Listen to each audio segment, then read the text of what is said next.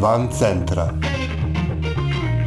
Podcast o ljudima koji ne sede skrštenih ruku. Ovo je 95. epizoda podcasta Van centra, koji prati napore ljudi iz cele Srbije da poboljšaju kvalitet života u svojim sredinama.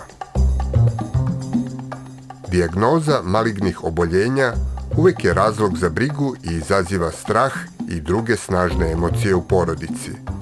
A situacija je još teža i dramatičnija ako je rak diagnostifikovan nekom detetu. Zdravstveni sistem u našoj zemlji ne olakšava mnogo ovakve situacije i lečenje ove dece zahteva veliku solidarnost okoline. Pritom, problem nije samo finansijske prirode, već su i u psihološkom smislu ove situacije ogroman izazov svima koji su u njih uključeni. A okolnosti su još teže u manjim sredinama, kao što je Prokuplje. Ipak u Prokuplju sada postoji udruženje roditelja, staratelja i prijatelja dece i mladih obolelih od malignih bolesti Epigenija, osnovano s namerom da olakša ovakve situacije – o tome sa čime se u Srbiji suočavaju deca i mladi s dijagnozom raka, šta im je najviše potrebno i kako ovo udruženje može da im pomogne, u ovoj epizodi razgovaramo sa Milenom Perić, sekretarkom udruženja Epigenija.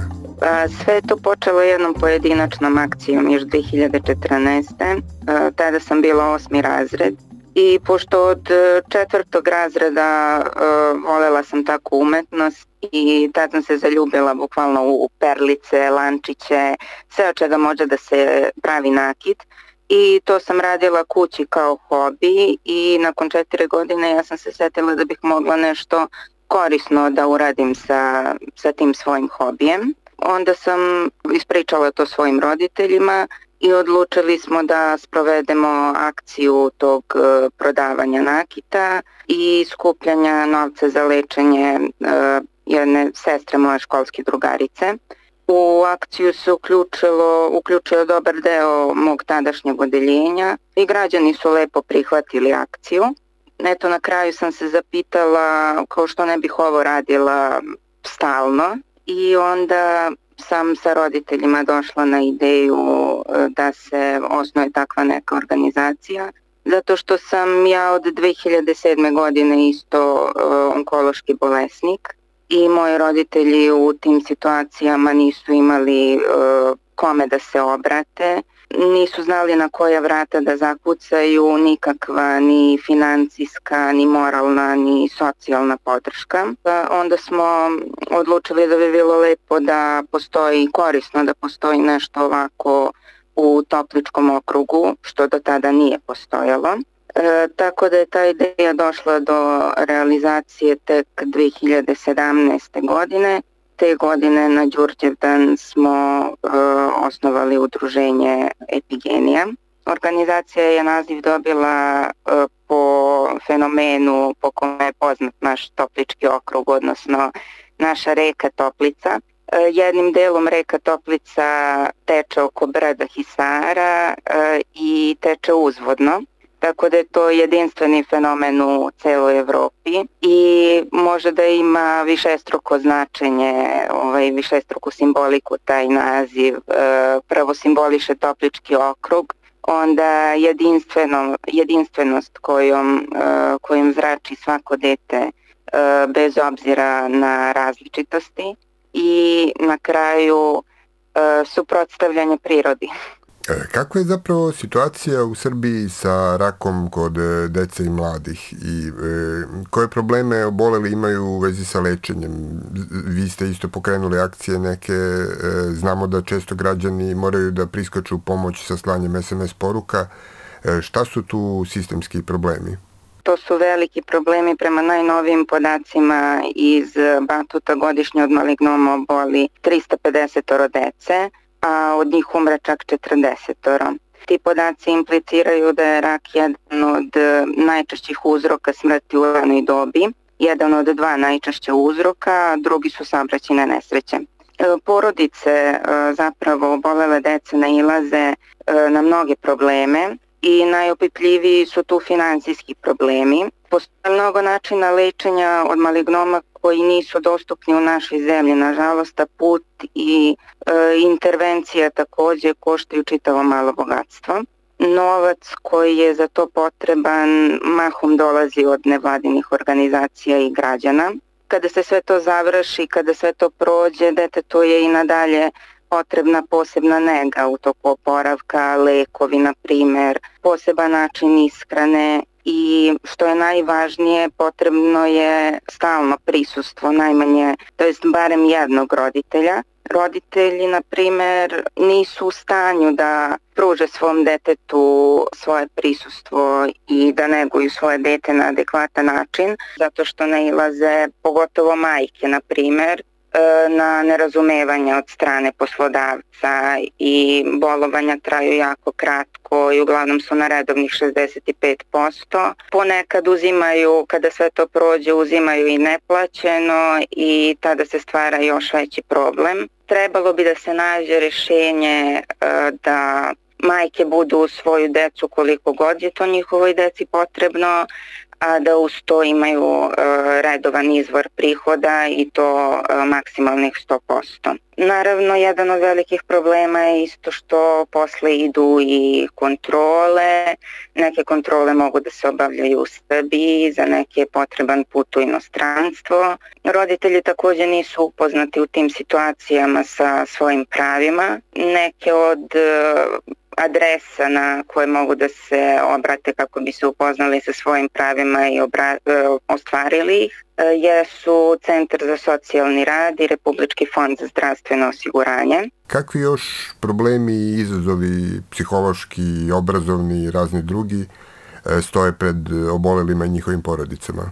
deca u razvoju i tekako osjećaju stres i jako su osetljiva na stres e, koji osjećaju od e, strane porodice. E, tako da i roditelji treba da se obuče kako da, kako da postupaju u takvim situacijama.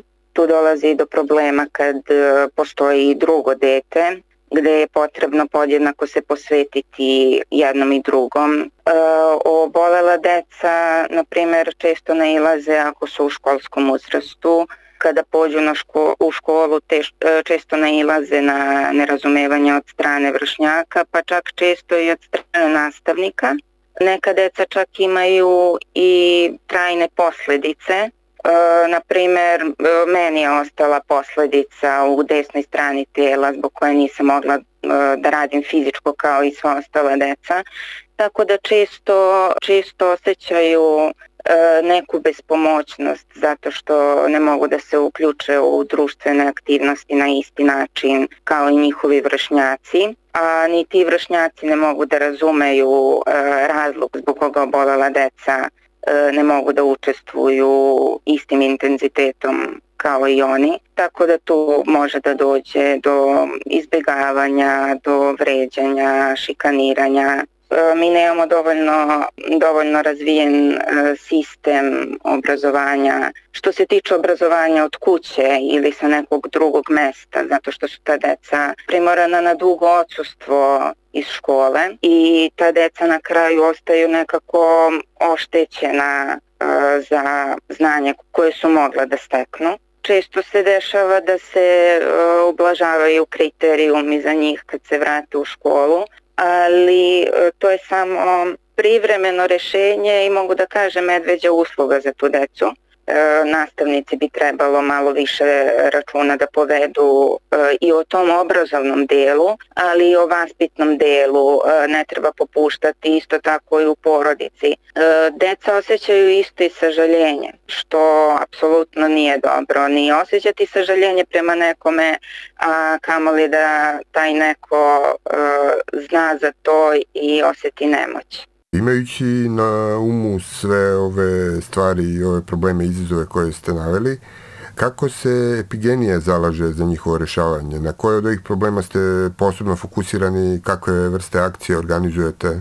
prva akcija 2017. bila nam je zapravo e, predstava. U kontaktu smo sa jednim amaterskim pozorištem u Prokuplju e, i oni su odlučili e, da pomognu naše udruženje tako što će, što će organizovati predstavu. Nadalje smo nastavili sa akcijama Svake godine obeležavamo, na primer, e, Svetski dan dece obolele od raka, zato što mislimo da je potrebno da se, da se širi svest o tome. Jedan od najvećih ciljeva e, jeste nam upravo taj da pokrenemo prosvetne radnike, da se malo više angažuju i malo više uključe u rad sa decom obolelom, obolelom od malignih bolesti glavne, e, glavne akcije udruženja uglavnom se svode na neku socijalnu podršku obolevoj deci, kao što su, na primer, eto to pravljenje nakita koje sam pomenula. To je jako zanimljiva stvar gde smo uspeli da uključimo decu osnovnoškolskog uzrasta tipične populacije i naše članove, tako da poboljšavamo njihove e, međusobne odnose, povećavamo toleranciju, tako da mislim da na taj način pomažemo i deci tipične populacije e, da postanu savesni i odgovorni građani, tolerantni prema različitostima ali pomažemo i našim članovima da pronađu prosto taj neki socijalni kontakt koji im je neophodan. Potrebno je, e, potrebno je deci da ostvare kontakt sa nekim van porodice koje je njihovih godina. Tu sam jako zadovoljna radom udruženja jer smo uspeli da, da ostvarimo tu komunikaciju između ove dve grupe dece E, pogotovo zbog toga što je sada tokom pandemije covid smanjio se socijalni kontakt e, između dece tipične populacije, a pogotovo e, sa decom obolelom od malignih bolesti koje su u potpunosti izolovana, nisu dobrog imuniteta da bi mogle da podnesu neko veliko druženje, tako da organizujemo male grupe, mala druženja, na naravno sa svim, eh, sa svim merama protiv širenja pandemije. U našem udruženju takođe eh, postoje i aktivnosti za odrasle i za roditelje kojima je potrebno da se upoznaju sa drugim roditeljima, da prosto u međusobnom razgovoru eh, nađu neka rešenja. Vi organizujete i podelu novogodišnjih paketića. Tako je, e, svake godine za novu godinu nosimo paketiće u dom zdravlja ili u, i u bolnicu, prvenstveno zbog covid -a. E, bili smo onemogućeni da to deci uručujemo lično, a pošto u našu bolnicu dolaze i e, deca sa strane, E, mislimo da je e, najbolje da prime paketiće od svog izabranog lekara. Mislim da je to jedan, uh, jedan lep gest, uh, jedan čin koji će ovako obradovati i tu decu, ali i roditelje i pokazati im da neko, da svi zapravo misle na njih i da im žele što brži oporavak. Imali smo isto i akciju financijske pomoći uh, jednoj porodici, odnosno jednoj devojčici, koja je pre par godina uh, bilo operisana od malignoma u Nemačkoj. Nažalost, uh,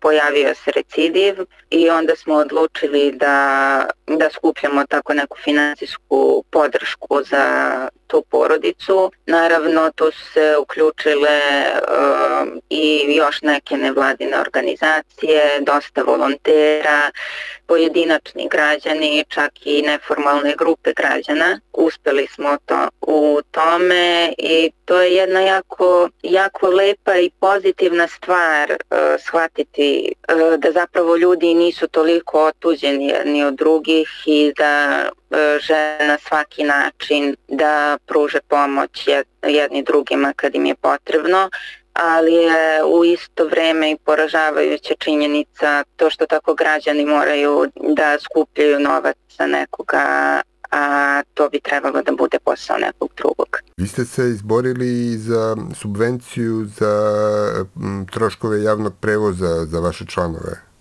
Da, da, jesmo e, u jednom projektu, e, pošto se financiramo u projektima koje raspisuje naša lokalna samouprava, e, došli smo na ideju da uradimo tako nešto. Prokuplje nije toliko veliki grad, ali opet je teško ići od bolnice do doma zdravlja e, veliki je, veliki je raspon. Bolnice je na jednom kraju grada, dom zdravlja na drugom. Sad to treba da se promeni kroz par godina, nadam se da bolnica bude u istoj zgradi ali eto linije autobusa idu baš od bolnice do doma zdravlja, e, tako da je to vrlo, vrlo korisna stvar. Kako ste rešili problem prostorija za vaš rad i e, kako ste ih, e, u čiju pomoć ste ih uredili?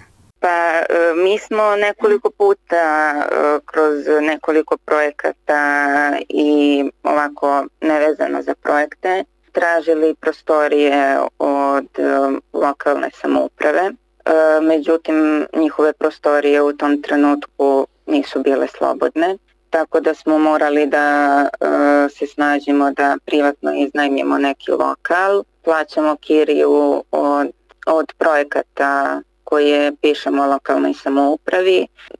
Finansijski e, jeste problem, e, iskreno i mi imamo problem e, financijske prirode e, i sa ovim projektima koje, e, koje pišemo u opštini. E, značilo bi nam da barem ta sredstva koje dobijemo možemo da rasporedimo na svih 12 meseci. Kako finansirate rad udruženja? Od koga imate podršku u lokalnoj zajednici? Ko vam je pomagao kao lokalni donator?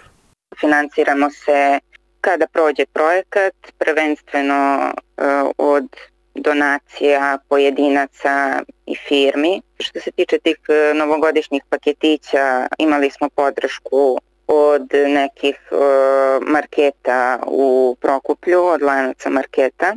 Finansijsku podršku isto dobijamo od nekih e, kompanija. Trebalo bi u narednom periodu da ostvarimo saradnju i e, sa E, Ministarstvom za rad, zapošljavanje, boračka i socijalna pitanja kako bismo stvarno mogli da održavamo udruženje onako kako treba.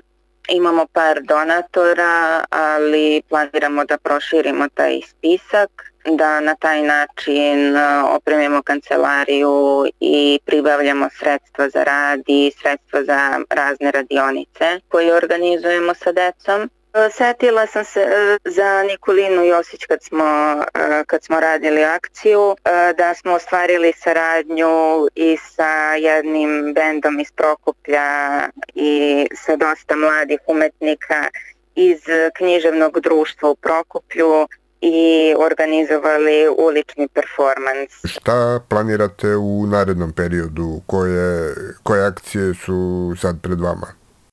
planiramo da ostvarimo saradnju i sa Ministarstvom za rad, zapošljavanje, boračka i socijalna pitanja. Planiramo sa njima da organizujemo neke projekte, e, planiramo saradnju sa e, još nekim nevladinim organizacijama kako iz Prokuplja, tako i iz Beograda.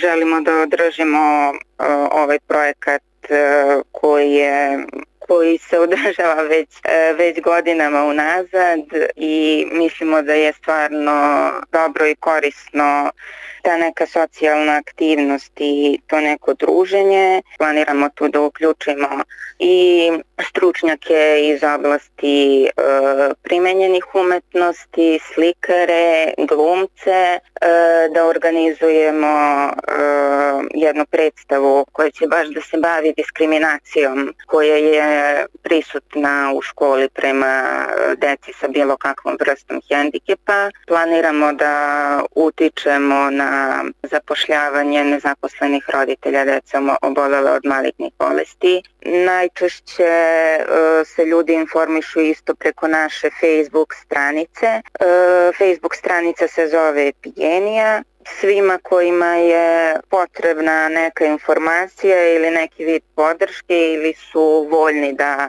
e, daju donaciju e, mogu da se obrate na broj telefona 064 92 12 ili na mail adresu udruzenje epigenija gmail.com.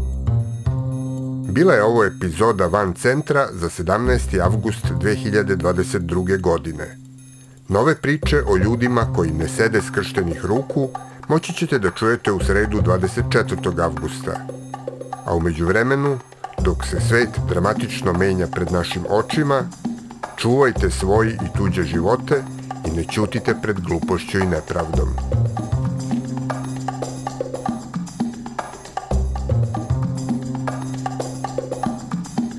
Van centra je autorski podcast koji se realizuje uz podršku građanskih inicijativa. Stavovi izneti u emisiji nisu nužno stavovi redakcije podcasta Van centra, niti udruženja građanske inicijative. Redakcija Katarina Đukić, Miodrag Mrkšić i Aleksandar Gubaš. Urednik i voditelj Aleksandar Gubaš. Muzika i Logical Beat i Ben Sound.